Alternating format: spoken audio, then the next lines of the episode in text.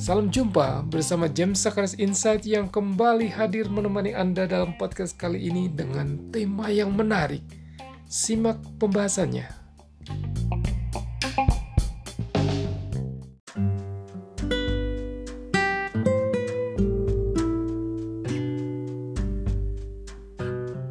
Dalam podcast James Sakaris Insight kali ini akan bahas tentang makna pekerjaan. Kalau kita masing-masing ditanya tentang makna pekerjaan, jawabannya kemungkinan besar ya, kemungkinan besar beragam. Ini karena situasi, kondisi yang berpengaruh pun beragam, termasuk konteks waktu, tempat, serta faktor-faktor lain yang memengaruhinya. Kalau gini deh, kalau anda dan saya juga diberi waktu 15 detik untuk menjawab apa makna pekerjaan yang sekarang Anda lakukan. Renungkan, tangkap, respon Anda yang cepat. Respon yang pertama ya. Apa? Nah, jangan khawatir terhadap jawaban Anda yang anda tangkap tersebut, apakah itu paling benar ataupun yang salah. Yang yang penting bagaimana kita menangkap uh, respon kejujuran diri, keterbukaan untuk menilai, untuk merasakan, membaca dari diri kita tentang makna pekerjaan kita. Nah, sudah nggak? 15 detik ya. Atau kurang 10 kurang 10 de, kurang dari 15 detik, 10 detik, 5 detik. Pokoknya respon yang pertama aja. Nah, saya akan coba list uh, beberapa kira-kira makna pekerjaan kita yang kita lakukan sehari dalam konteks sekarang itu apa aja? Dan ini bisa aja berbeda dalam konteks waktu dan tempat, baik waktu sebelumnya, sekarang, ataupun masa mendatang. Jadi ini buat seperti dalam game aja. Ya. Nah, saya coba untuk uh, buat listnya. Jadi makna pekerjaan itu nanti kita bisa saling mencocokkan dan juga dalam sesi berikutnya, sesi setelah ini saya akan juga akan bercerita tentang perjalanan makna pekerjaan uh, dari sisi saya. Dan juga Anda juga bisa merefleksikan itu makna pekerjaan dari sisi Anda. Teman-teman sekalian saat Anda memulai pekerjaan pertama saat ini.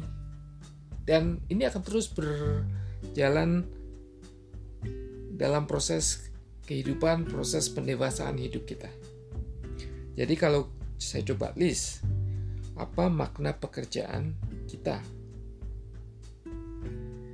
Bisa makna pekerjaan itu bisa bahwa pekerjaan itu sebagai media untuk belajar ataupun saya sebutkan satu kata aja ya karena kan tadi kan berpikir secara spontan kan pasti keluar satu kata itu berkaitan dengan belajar, berkaitan juga dengan kebanggaan, berkaitan dengan tanggung jawab, berkaitan dengan sosialis sosialisasi atau kita berjejaring, kita bekerja sama dalam suatu tim ataupun antar tim. Kemudian hal yang lain tuntutan sosial.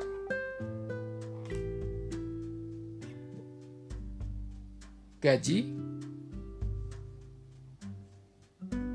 kemudian aktualisasi diri.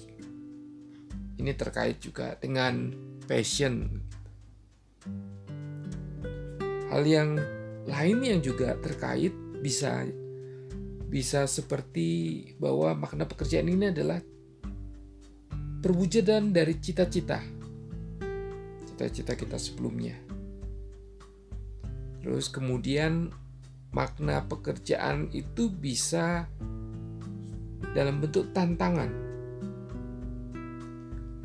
dan kesempatan atau momentum yang ada dimanfaatkan.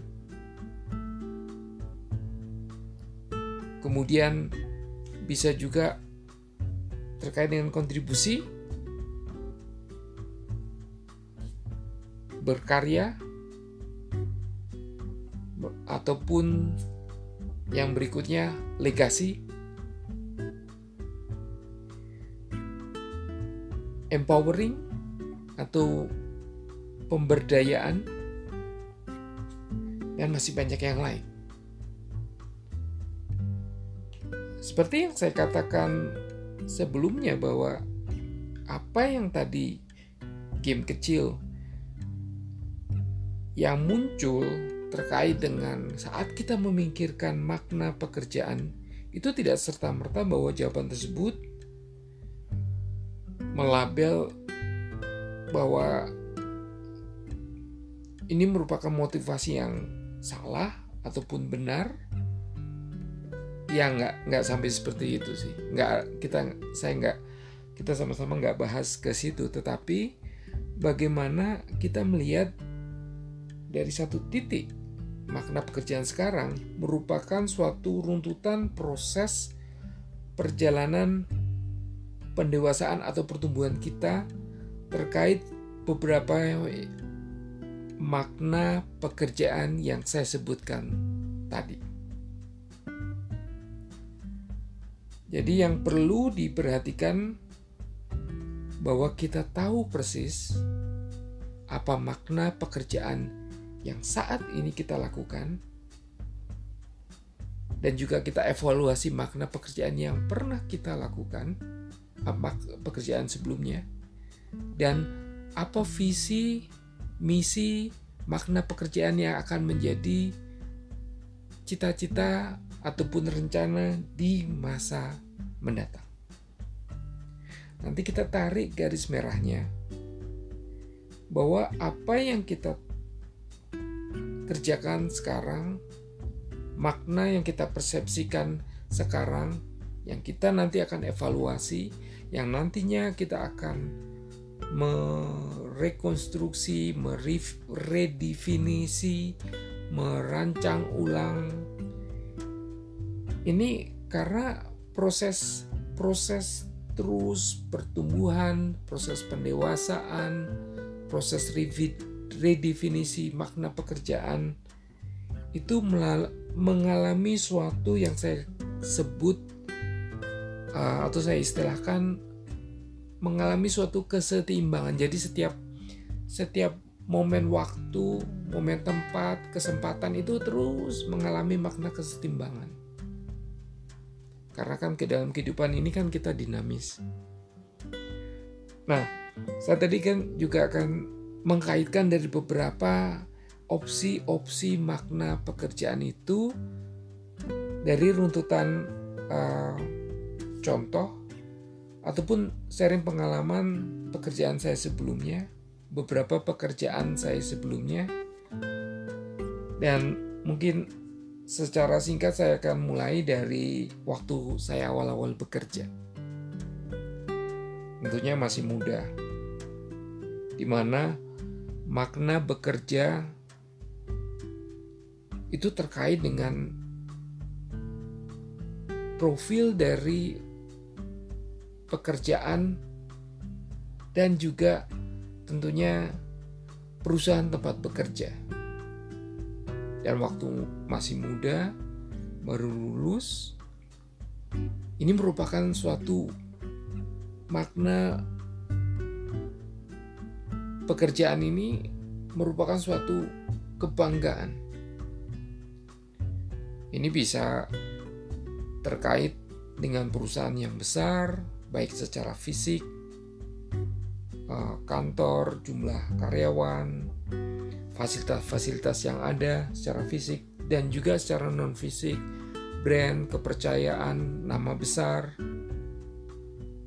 Dan yang kedua, tentang tuntutan sosial. Tadi kan saya sebutkan bahwa makna pekerjaan salah satunya adalah tuntutan sosial. Tuntutan sosial artinya setelah kita lulus, bagaimana untuk cepat-cepat bekerja ataupun mempunyai pekerjaan dan kebanggaan yang sebutkan saya sebutkan tadi ini juga terkait dengan fasilitas ataupun gaji yang ditawarkan atau yang diterima.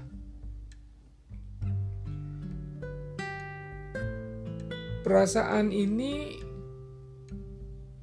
ya hampir sama. Ini kan karena terkait waktu baru lulus masih muda. Mungkin juga sama saat pertama kali diterima sekolah ataupun di perguruan tinggi jurusan yang favorit yang di mana kita merasakan kebanggaan dan juga membanggakan orang-orang tercinta baik orang tua merupakan kebanggaan dari keluarga dan sebagainya. Jadi sesuatu yang yang sebetulnya normal. Tapi nanti kita harus hati-hati bahwa sesuatu dalam takaran yang normal atau pada tempatnya ini menjadi sesuatu yang yang berlebihan atau tidak pada tempatnya saat kita mem, memposisikan atau memanfaatkan kebanggaan itu tidak semestinya. Nah, tentang waktu saya pertama kali masuk di perguruan tinggi ataupun jurusan favorit yang sesuai dengan harapan saya. Di hari pertama, saya kami ada sesi dengan ketua himpunan mahasiswa yang saya masih ingat sampai sekarang membuka dengan dua kalimat yang cukup Kalimat yang pertama itu tentunya membuat kami yang masih dengan euforia, kegembiraan dan kebanggaan beliau menanyakan, "Apakah kalian bangga diterima kuliah di kampus ini, di jurusan ini?" Tentunya kita kami waktu itu langsung, "Ya, bangga, bangga, bangga." Masih masih dalam suasana yang yang mem euforia sekaligus bangga. Dan menginjak ke pertanyaan kedua. Pertanyaan yang paling penting dan merubah cara pandang saya setelah itu. Dan sampai sini, sampai sekarang tentunya. Dan ini penting untuk direnungkan. Apakah tadi setelah menanyakan apakah kalian bangga kul diterima untuk kuliah di kampus ini. Terus kemudian dilanjutkan dengan pertanyaan kedua, apakah kampus ini bangga dengan kalian? Ini pertanyaan yang sangat dalam dan waktu itu kami terdiam. Kami berpikir dan tidak ada jawabannya. Karena kami juga tidak tahu apa bagaimana kami harus menjawab? Ini sebetulnya pertanyaan yang retoris. Pertanyaan yang menjadi PR sekaligus menjadi tamparan keras kalau kami menjadikan momentum kami diterima itu menjadi suatu kebanggaan yang yang saya katakan tadi tidak pada tempatnya. Atau boleh dikatakan kebanggaan yang berlebihan. Dan ini sekaligus sebagai renungan atau peringatan untuk mengingatkan bahwa setelah masuk dan memulai suatu usaha ataupun sebagai mahasiswa kan yaitu belajar itu kan sebagai usaha ataupun dianggap sebagai pekerjaan. Nah, makna di sini, makna pekerjaan di sini yang mau saya kaitkan itu terkait dengan apa kontribusi yang yang akan diberikan selama menjalankan tugas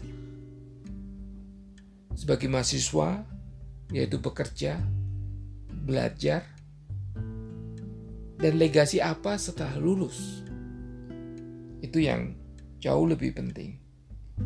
Dan ini merupakan perenungan bagi kita semua bahwa kadang-kadang kita itu terlalu banyak menuntut. Termasuk menuntut kebanggaan yang yang ingin kita dapatkan seperti tadi. Saya bangga saya diterima, saya, di sini dan sebagainya. Bangga take too much. Kita terlalu mendapatkan itu memanfaatkan itu dengan berlebihan dibanding dengan kita memberi atau berkontribusi giving back yaitu dengan apa yang kita bisa kita beri yang kita bisa berikan kalau setelah kita masuk dan belajar. Ini merupakan peringatan terhadap ataupun uh, sistem peringatan ataupun alarm system uh, warning system terhadap kemungkinan tindak tanduk manifestasi kebanggaan yang tidak semestinya.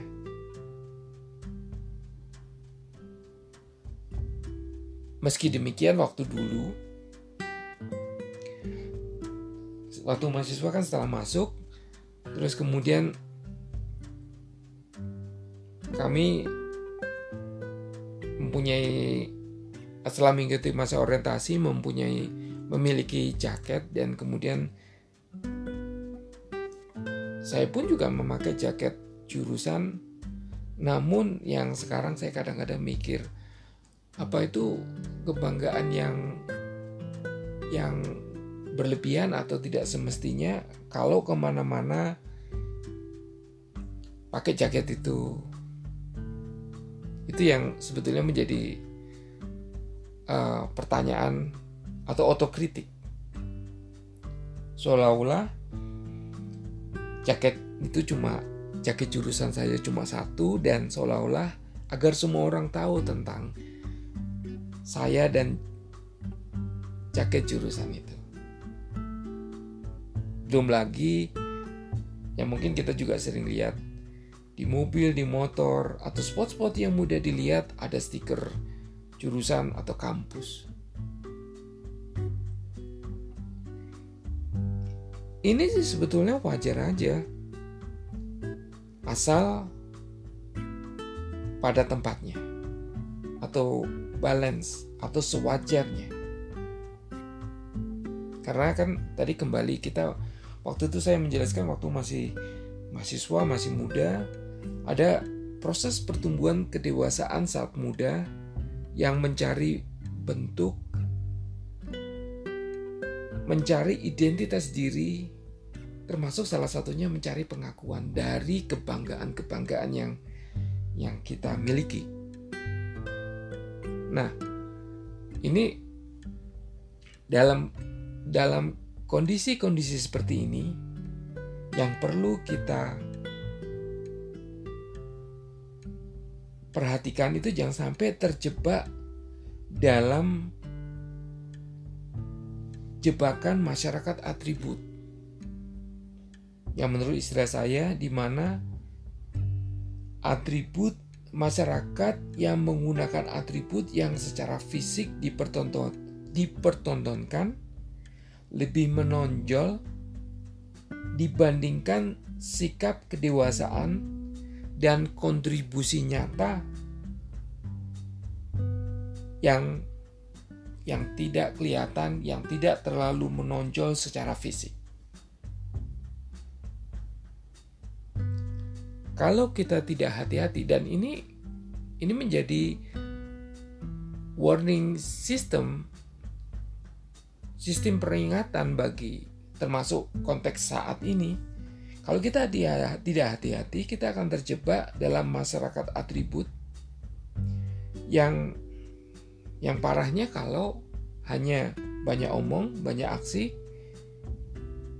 tapi tidak ada kerja atau kontribusi nyata. Itu tadi di masa kuliah. Dan saya juga berikut ini saya akan juga mengkaitkan dengan konteks waktu saya mencari talent fresh graduate dari mahasiswa lulusan lulusan yang lulusan baru atau fresh graduate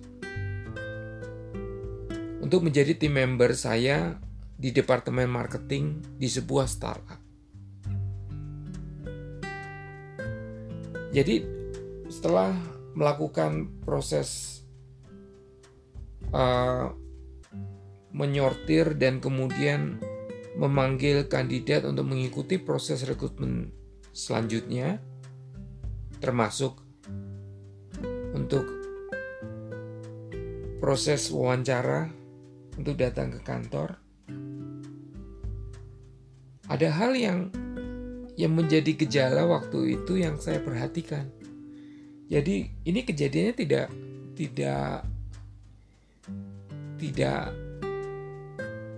satu kali saja tetapi beberapa beberapa kali untuk case yang mungkin bisa jadi sampel uh, mengingat perusahaan kami waktu itu juga perusahaan yang startup.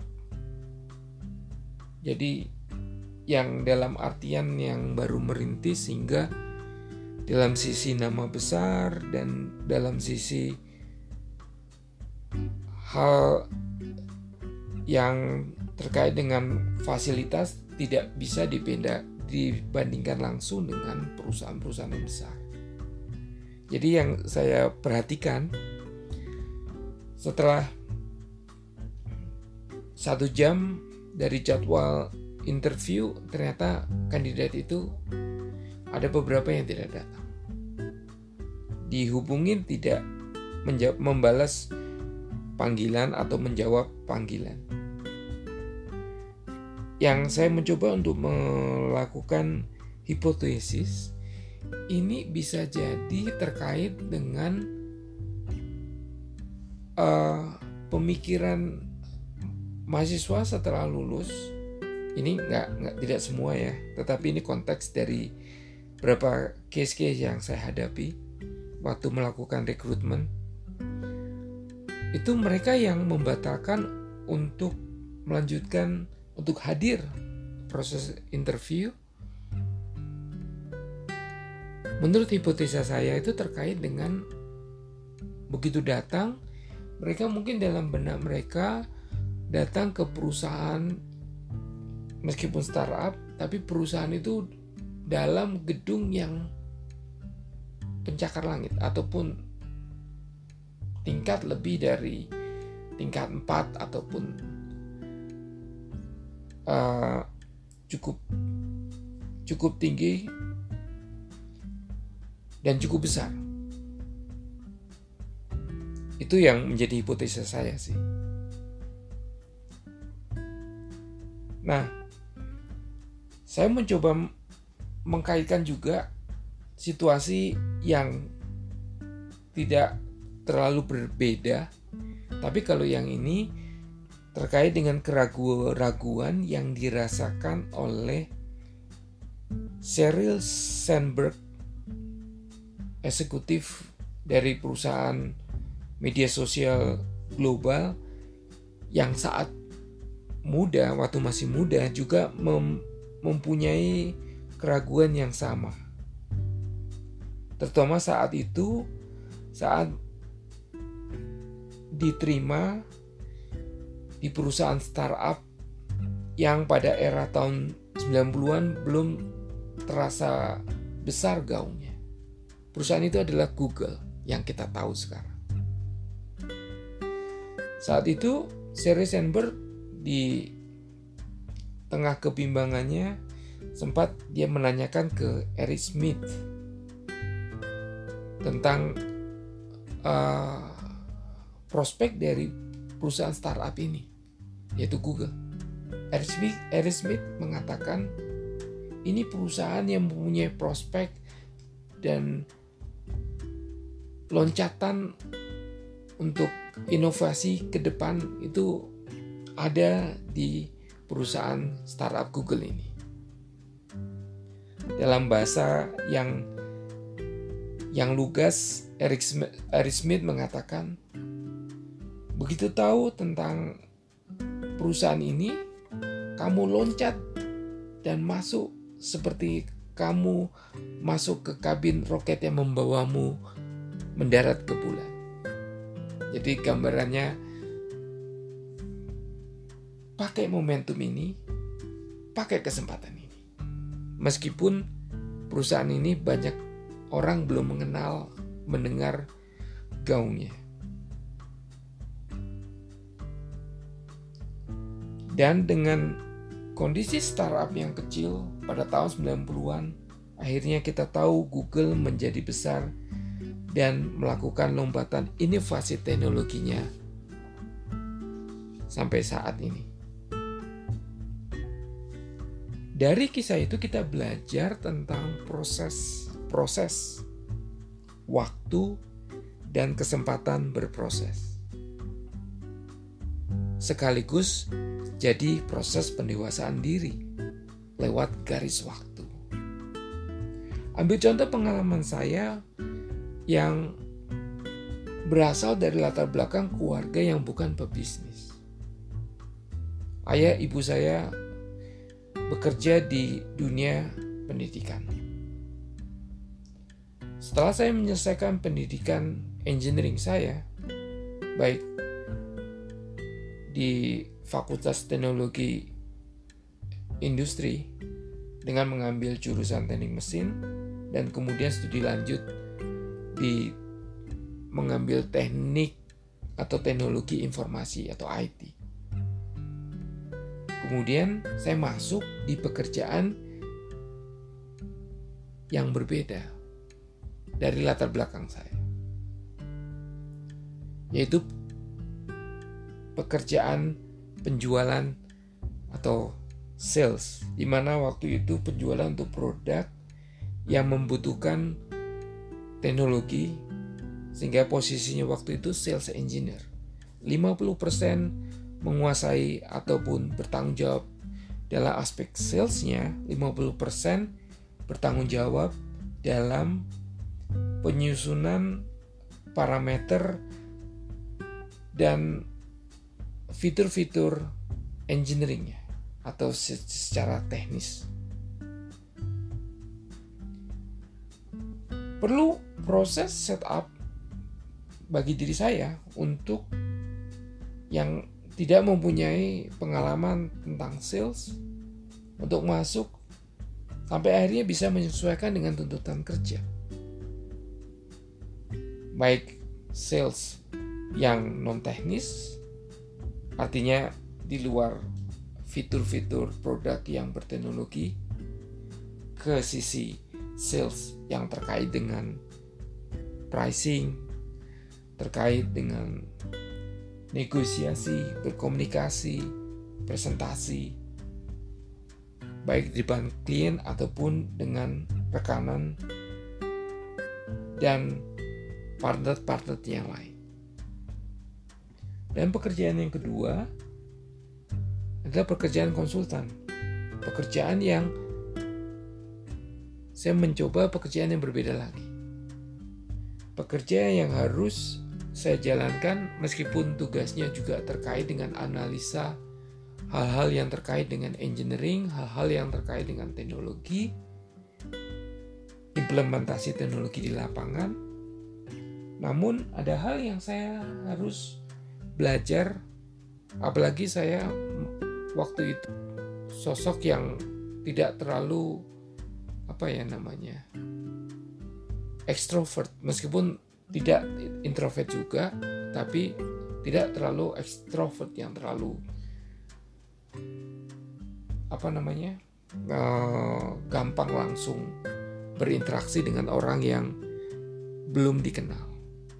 Nah, waktu sebagai konsultan waktu itu selain harus berhadapan dengan klien-klien klien-klien yang baru orang-orang yang yang banyak dan beragam latar belakangnya dan tugas konsultan selain untuk memberi konsultansi dan juga di lapangan kita melakukan audit. Tentunya secara teknis ini sangat sangat berbeda sekali karena harus mengunjungi di lapangan departemen departemen kan industrinya ataupun kantornya itu kan besar. Sehingga punya harus punya waktu yang cukup. Proyeknya itu baik tiga minggu sampai lima minggu tergantung dengan kantor ataupun uh, pabrik untuk melakukan audit. Dan itu perlu perubahan yang mendasar dalam diri saya. Dan sebelum itu saya juga harus punya bagaimana saya memaknai pekerjaan ini ini penting karena kalau saya memaknai pekerjaan ini sebagai suatu tantangan di mana saya akan belajar, otomatis hal-hal yang baru ini membuat saya melakukan eksplorasi hal-hal yang baru sekaligus menerima pembelajaran-pembelajaran hal-hal yang baru ini juga. Jadi, kenapa saya katakan saya singgung tadi sesuatu yang berbeda? Saya singgung tadi bahwa dalam proses tempat, waktu yang berbeda, faktor lingkungan yang berbeda, ada semacam proses kesetimbangan bagaimana kita melihat suatu pekerjaan yang kita lakukan ini maknanya itu bisa lebih dinamis karena nanti kita akan berhadapan dengan lingkungan momentum-momentum yang berbeda. Nah, ternyata sampai ke proses pekerjaan tersebut, baik sales ataupun konsultan, ini membuka mata saya bahwa bekerja itu maknanya adalah uh, hal yang dinamis, seperti yang tadi saya katakan, ada kesempatan di situ, ada bagaimana kita melihat momentum di situ, kita bisa ambil, kita tahu, kita bisa membaca momentum. Ada tantangan di situ, sehingga kita uh, kita harus menantang diri kita untuk keberanian untuk melakukan sesuatu yang baru, sesuatu yang belum pernah kita lakukan dan pada akhirnya semua itu akan memberi hasil. Hasil itu yang kita harapkan tidak saja mencapai tujuan kita tetapi juga memberi kontribusi yang signifikan bagi diri kita dan juga orang lain di sekitar kita. Kontribusi di mana kita ada di lingkungan yang berbeda, lingkungan yang baru, tetapi kita juga bisa berkontribusi ke mereka yang berada di dekat kita. Itu maknanya menjadi lebih lebih luas dan lebih dalam. Dinamisnya itu di situ. Jadi dengan tantangan dan suka duka, makna pekerjaan tidak hanya berkutat pada sesuatu yang kita dapat, kita seperti tadi, kebanggaan, pekerjaan ini kita suka, pekerjaan ini kita kita apa namanya? Kita terima karena gajinya, fasilitasnya, tidak sesederhana atau sesempit itu. Saya lanjut. Setelah saya menyelesaikan pendidikan lanjut di teknologi informasi, karena sebelumnya saya kan di lebih ke engineering di industri, Karena pada era itu mulai era internet, era teknologi informasi. Dan saya mencoba tantangan baru. Berubah dari pekerjaan yang berkutat di bidang engineering baik di bidang sales tadi, produk-produk teknologi di bidang engineering untuk industri ataupun konsultan energi. Kemudian saya pindah mencoba hal baru di bidang telco IT. Jadi di sini nanti saya akan mengenal tentang industri baru telepon seluler, industri baru infrastruktur telekomunikasi, dan layanan-layanan telekomunikasi, layanan-layanan value added service yang lazim ditawarkan perusahaan-perusahaan telekomunikasi kepada pelanggan-pelanggannya. Dan kemudian uh, terkait dengan pelatihan produk. Jadi kalau pekerjaan sebelumnya saya juga terkait dengan produk, terkait dengan sales, terkait juga presentasi, terkait juga pelatihan. Dan saya jadi ingat waktu di saat saya bersentuhan dengan presentasi dan pelatihan produk, baik untuk internal dan eksternal. Di situ juga saya mencoba tantangan baru, mengumpul, me, mempresentasikan ide atau pemikiran lewat tulisan. Di situ saya mulai belajar menulis. Ide yang akhirnya mendapat kesempatan untuk dimuat di majalah nasional. Kemudian saya juga diminta untuk menulis uh, sebagai copywriting di di iklan-iklan untuk uh, media massa dan juga supervisi ikut terjun langsung syuting iklan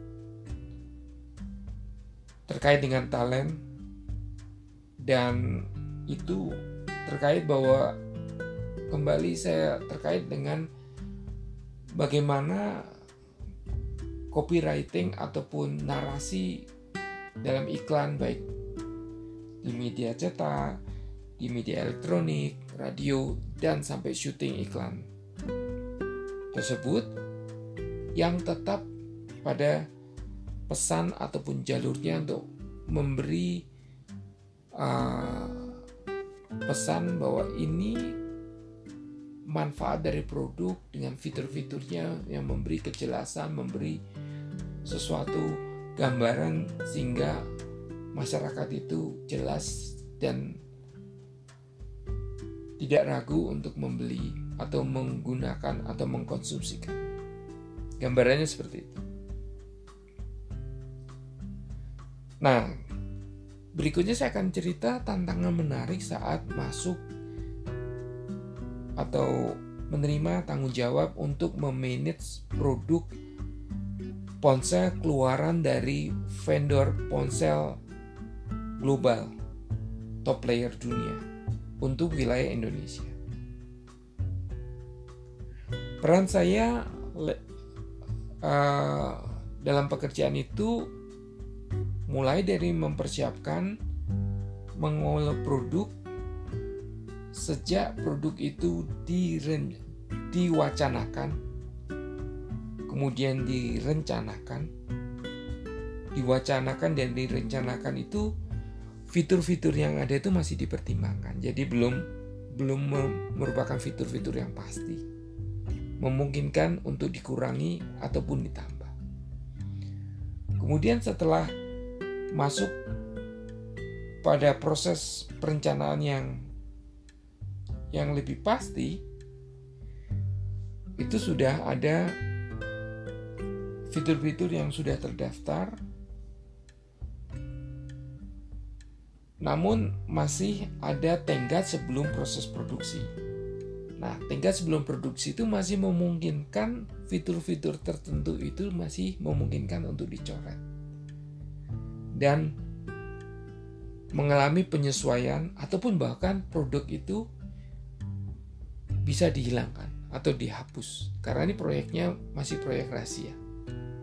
Sehingga proyek-proyek nama jenis atau tipe ponsel itu biasanya kita sebut dengan code name. Jadi sesuatu yang rahasia. Jadi kita kalau komunikasikan itu orang lain nggak tahu bahwa itu produk yang akan direncanakan untuk jadi tipe tertentu. Kemudian lanjut mengawal ke proses produksinya. Sambil dalam proses produksi itu uh, saya memanage produk itu dengan memberi mensuplai informasi kepada sales untuk ataupun bagian pembelian untuk uh, meng mengalokasikan tipe-tipe mana, berapa jumlahnya, variannya apa yang harus dipesan untuk proses produksi itu. Karena kan proses produksi kan membutuhkan waktu, nanti juga ada proses pengiriman atau shippingnya, sehingga alokasi uh, informasi terhadap alokasi feature, uh, fitur kemudian varian itu membantu untuk alokasi sebelumnya sehingga saat launch yang akan ditetapkan atau direncanakan itu perjalanan produk dari mulai keluar dari unit produksi sampai tiba di Indonesia sesuai dengan rencana. Nah, dari situ saya juga terus mengawal ke sales dan juga marketing untuk mempersiapkan launch launchingnya. Untuk merilis produk baru termasuk harus juga presentasi dan melakukan memberi kesempatan kepada wartawan atau dari majalah ataupun dari uh, perusahaan telekomunikasi uh, telco operator telco untuk melakukan pengetesan. Dan saya melakukan pendampingan kalau ada pertanyaan ataupun kebutuhan-kebutuhan terkait dengan produk tersebut. Termasuk pelatihan bagi uh, tempat-tempat untuk penjualan baik itu modern channel ataupun penjualan distributed channel di tingkat partner sampai ke toko-toko. Dan itu terjadi terus sampai uh, life cycle-nya dari suatu produk. Life cycle suatu produk itu bisa 18 sampai 30 bulan. Dan saya bertanggung jawab sampai produk itu discontinue atau produk itu tidak diproduksi dan tidak dijual lagi yang kita katakan yang disebut dengan istilah end of life. Jadi itu bentuk tanggung jawab di mana saya memanage produk, memanage produk terkait juga nanti bantu produk marketingnya dalam sisi kalau sisi marketing kan memarket memasarkan produk tapi dalam sisi kegiatan-kegiatan marketing. Tapi kalau saya produk marketing terkait dengan menjelaskan produk dari sisi fitur, fitur, terus kemudian uh, manfaat dan pengalaman-pengalaman ataupun hal-hal apa dalam produktivitas apa yang membantu uh, para pengguna untuk memanfaatkan dari produk ponsel itu. Sehingga ini terkait bahwa saya memanage produk produk dari pabrikan yang interaksinya dengan global ataupun regional sehingga saya dan tim di untuk memanage produk itu merupakan seperti interface atau gate di mana dari internal dari perusahaan sendiri ataupun eksternal kalau ada kebutuhan ataupun pertanyaan itu larinya atau menghubunginya ke kami. di bagian yang memanage produk itu. Baik itu sales, marketing, customer service, workshop, logistik, terus kemudian operator, modern channel, partner untuk distributor, government, uh, pemerintah untuk license, dan juga wartawan. Pengalaman ini kembali mengingatkan kita seperti yang saya katakan tadi akan makna pekerjaan ini yang terus mengalami proses kesetimbangan. Jadi seperti yang mungkin tadi saya sempat singgung bahwa di, di pekerjaan ini ini terkait dengan sosialisasi, terkait dengan belajar, berhubungan dengan konsumen, membantu pendampingan konsumen baik juga saat ada exhibition atau pameran ataupun dalam juga pendampingan SPG di mana saya juga uh, mendampingi dan membantu dalam tugas-tugas yang hampir mirip mendukung kerja dari SPG di lapangan. Terus kemudian kadang juga atau sering dianggap seperti teknisi karena memang ada kondisi-kondisi tertentu di mana harus secara teknis ada troubleshootingnya karena ini terkait dengan fitur-fitur teknologi dan sebagainya sehingga belajar dalam dalam kapasitas yang dianggap sebagai teknisi. Dan kemudian terkait dengan sosialisasi atau berhubungan dengan public figure, media ataupun jurnalis, ini seperti yang saya katakan tadi, ini terkait dengan uh, syuting ataupun hal-hal menjawab pertanyaan media ataupun wartawan terkait hal-hal yang harus saya komunikasikan untuk membuat produk itu bisa diterima dengan jelas, memberi gambaran jelas terkait dengan fungsi, terkait dengan manfaat dan pengalaman dan produktivitas dari produk apa ponsel itu ataupun produk itu. Yang saya akan cerita ada satu pengalaman waktu saya syuting Eh, kami saya supervisi untuk beberapa syuting iklan uh, produk endorsement di mana ya ini sisi dinamisnya sih di mana artis atau aktor yang yang saya nggak perlu sebutkan namanya keluar dengan kreativitasnya yang menarik namun di sini saya dituntut untuk jeli. Nah, makna makna makna pekerjaan itu bisa dikaitkan juga jeli dan fokus pada apa yang kita harus kerjakan. Jadi meskipun dinamikanya waktu itu talent aktor sing aktor ini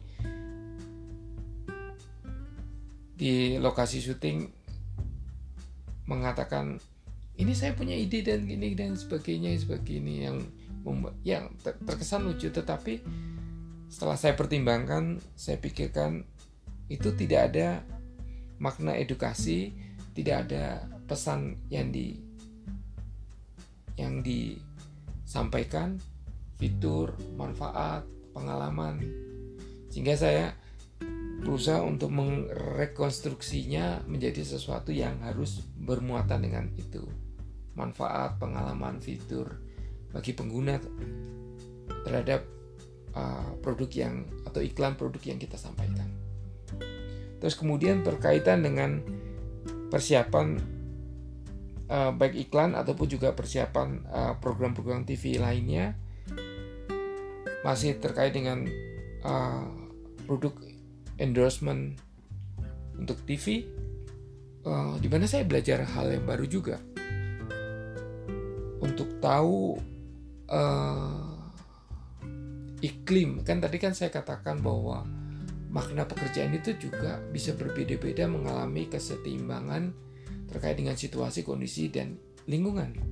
Nah, iklim bekerja yang saya alami waktu itu berpartner dengan di mana saya harus juga ikut uh, proses produksi uh, di TV, syuting, kadang-kadang untuk syuting punya dapat slot waktunya tengah malam, terus kemudian pas post production ataupun setelah produksi itu harus dalam arti setelah syuting itu harus uh, editing di mana editing juga slot waktunya juga belum pasti dan harus cepat. Kalaupun pas ada slotnya untuk proses edit editingnya dengan melakukannya cepat karena apa? Uh, karena tenggat waktunya itu tidak tidak apa? Uh, tenda waktunya itu tidak tidak lama jadi semua dilakukan dengan dengan mengikuti dari ritme ritme dari lingkungan-lingkungan yang ada. Sehingga makna kalau mau saya saya pikir-pikir itu makna pekerjaan saat itu ya termasuk satu dinamis. Kita harus ngikutin partner dengan lingkungannya seperti apa. Terus kalau mungkin istilahnya sekarang tuh agile ya. Itu uh, cepat tanggap gitu ya. Cepat tanggap. Dan jadi itu uh, hal-hal yang yang menarik di luar selain tugas saya sisi memanage produk tetapi saya juga bertanggung jawab untuk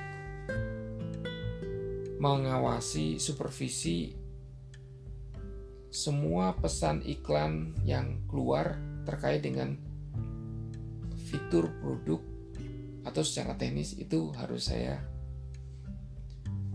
uh, supervisi.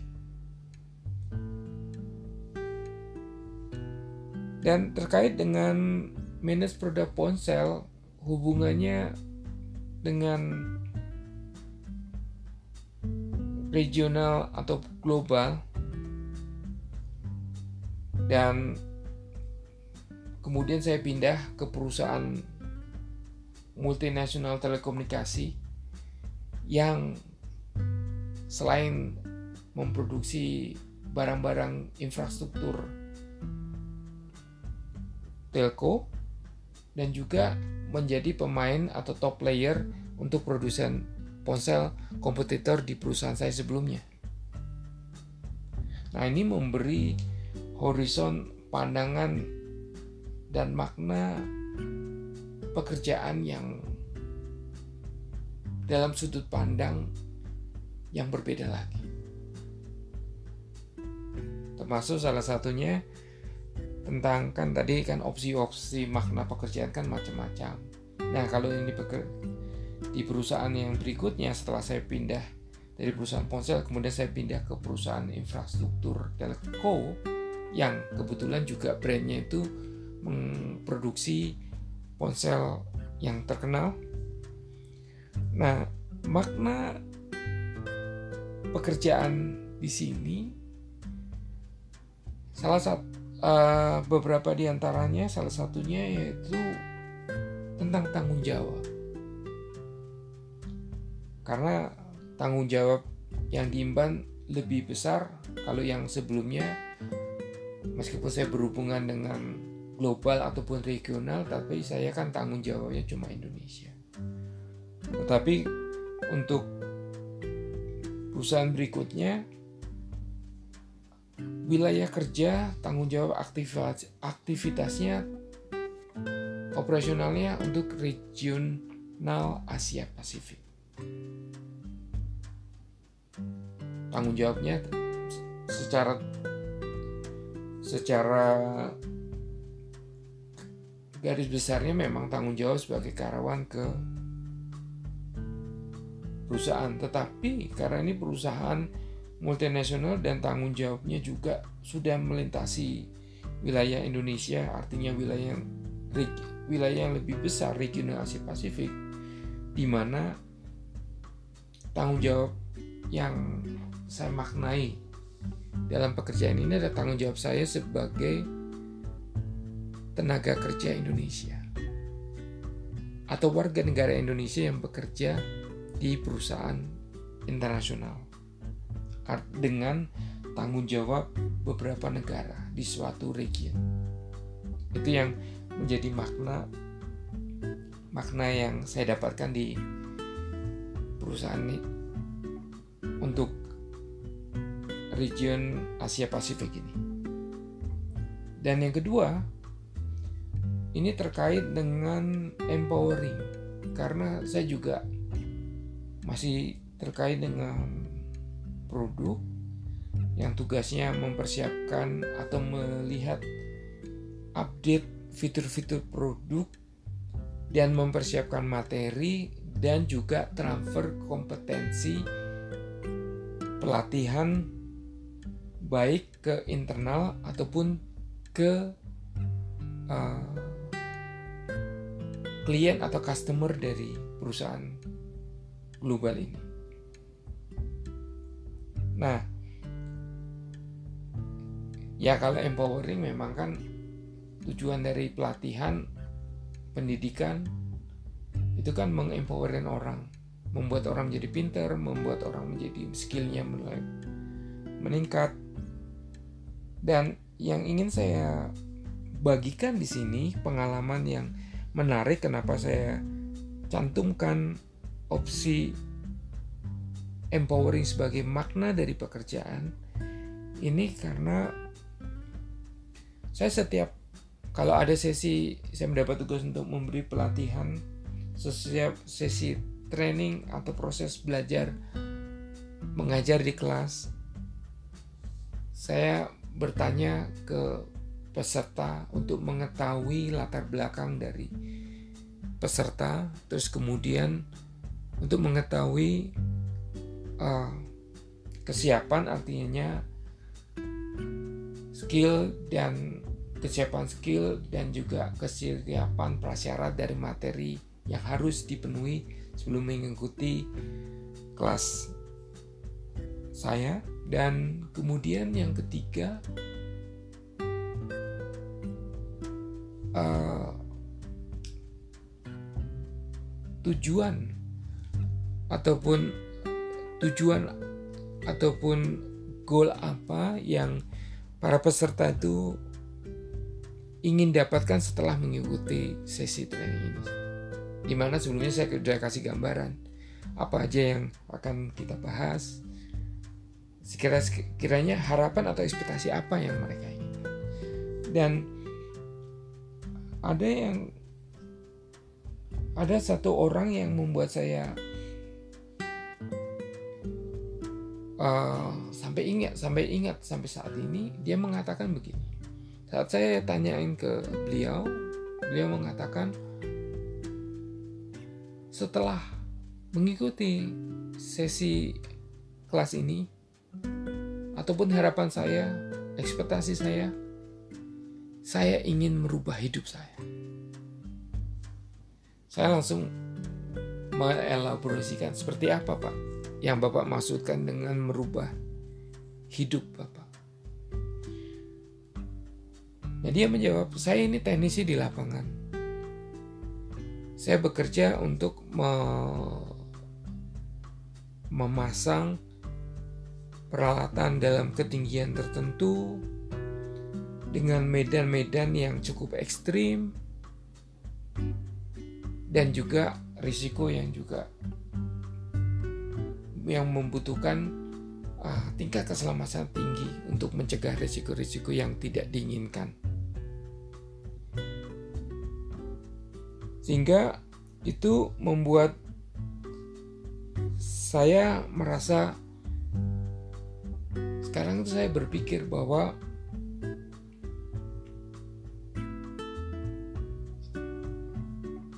empowering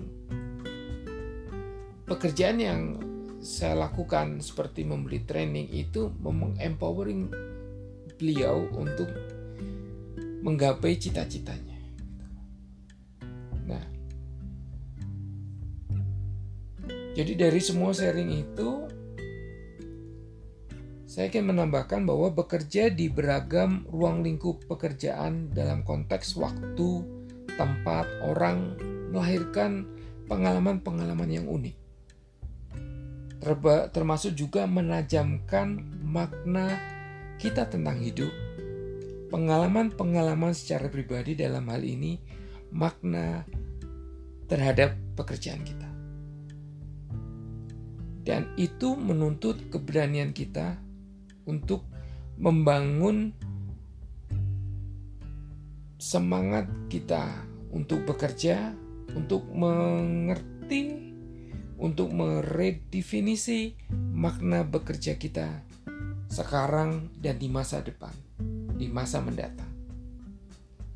Seperti Jeff Bezos, tetap pada tekad yang bulat saat bosnya masih meminta untuk tetap bertahan di perusahaan financing saat Jeff Bezos akan memulai langkah baru dengan startup yang dirintisnya yang akhirnya kita kenal sebagai Amazon.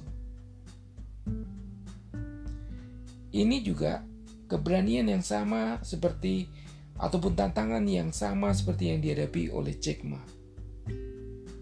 yang sempat bimbang meneteskan air mata saat ada beberapa dari anggota timnya mundur menolak tawaran bagi-bagi saham untuk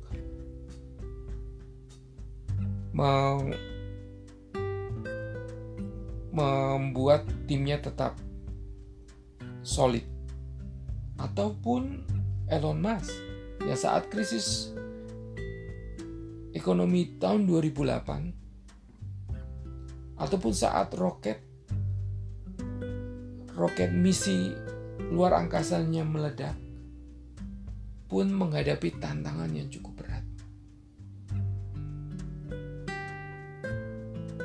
Hal ini menjadi memberi pesan bagi kita untuk tidak pernah mundur untuk melakukan yang terbaik. Seperti contoh-contoh ataupun legasi-legasi yang dilakukan oleh orang-orang yang kita pernah tahu ataupun kita ikuti pengalaman ataupun keahliannya seperti Anthony Bourdain yang pada saat-saat terakhirnya sebelum berpulang masih sempat mewujudkan mimpinya untuk menghasilkan program TV keliling dunia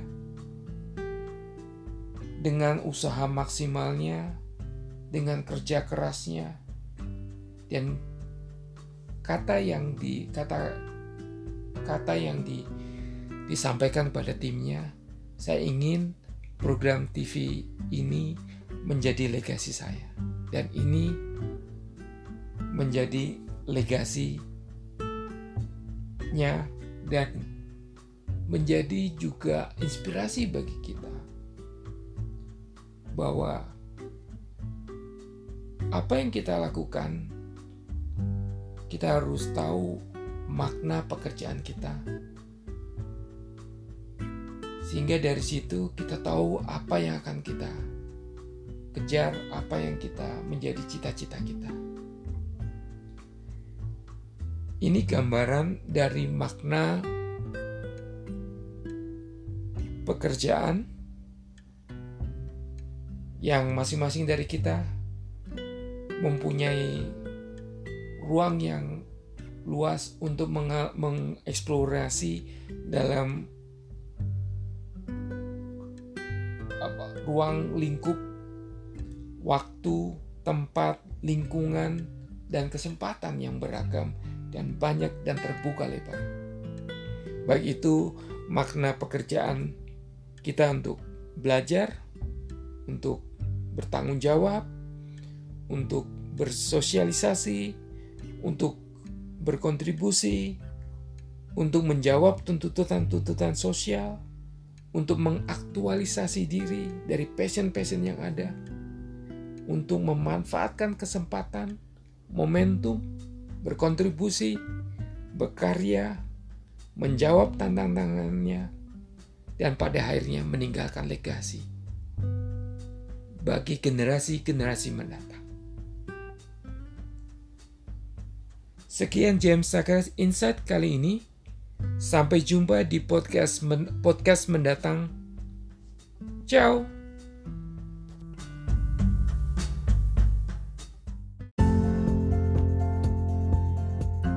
Terima kasih telah menyimak podcast James Sakras Insight kali ini. Kiranya hadirkan inspirasi untuk hidup kita lebih baik.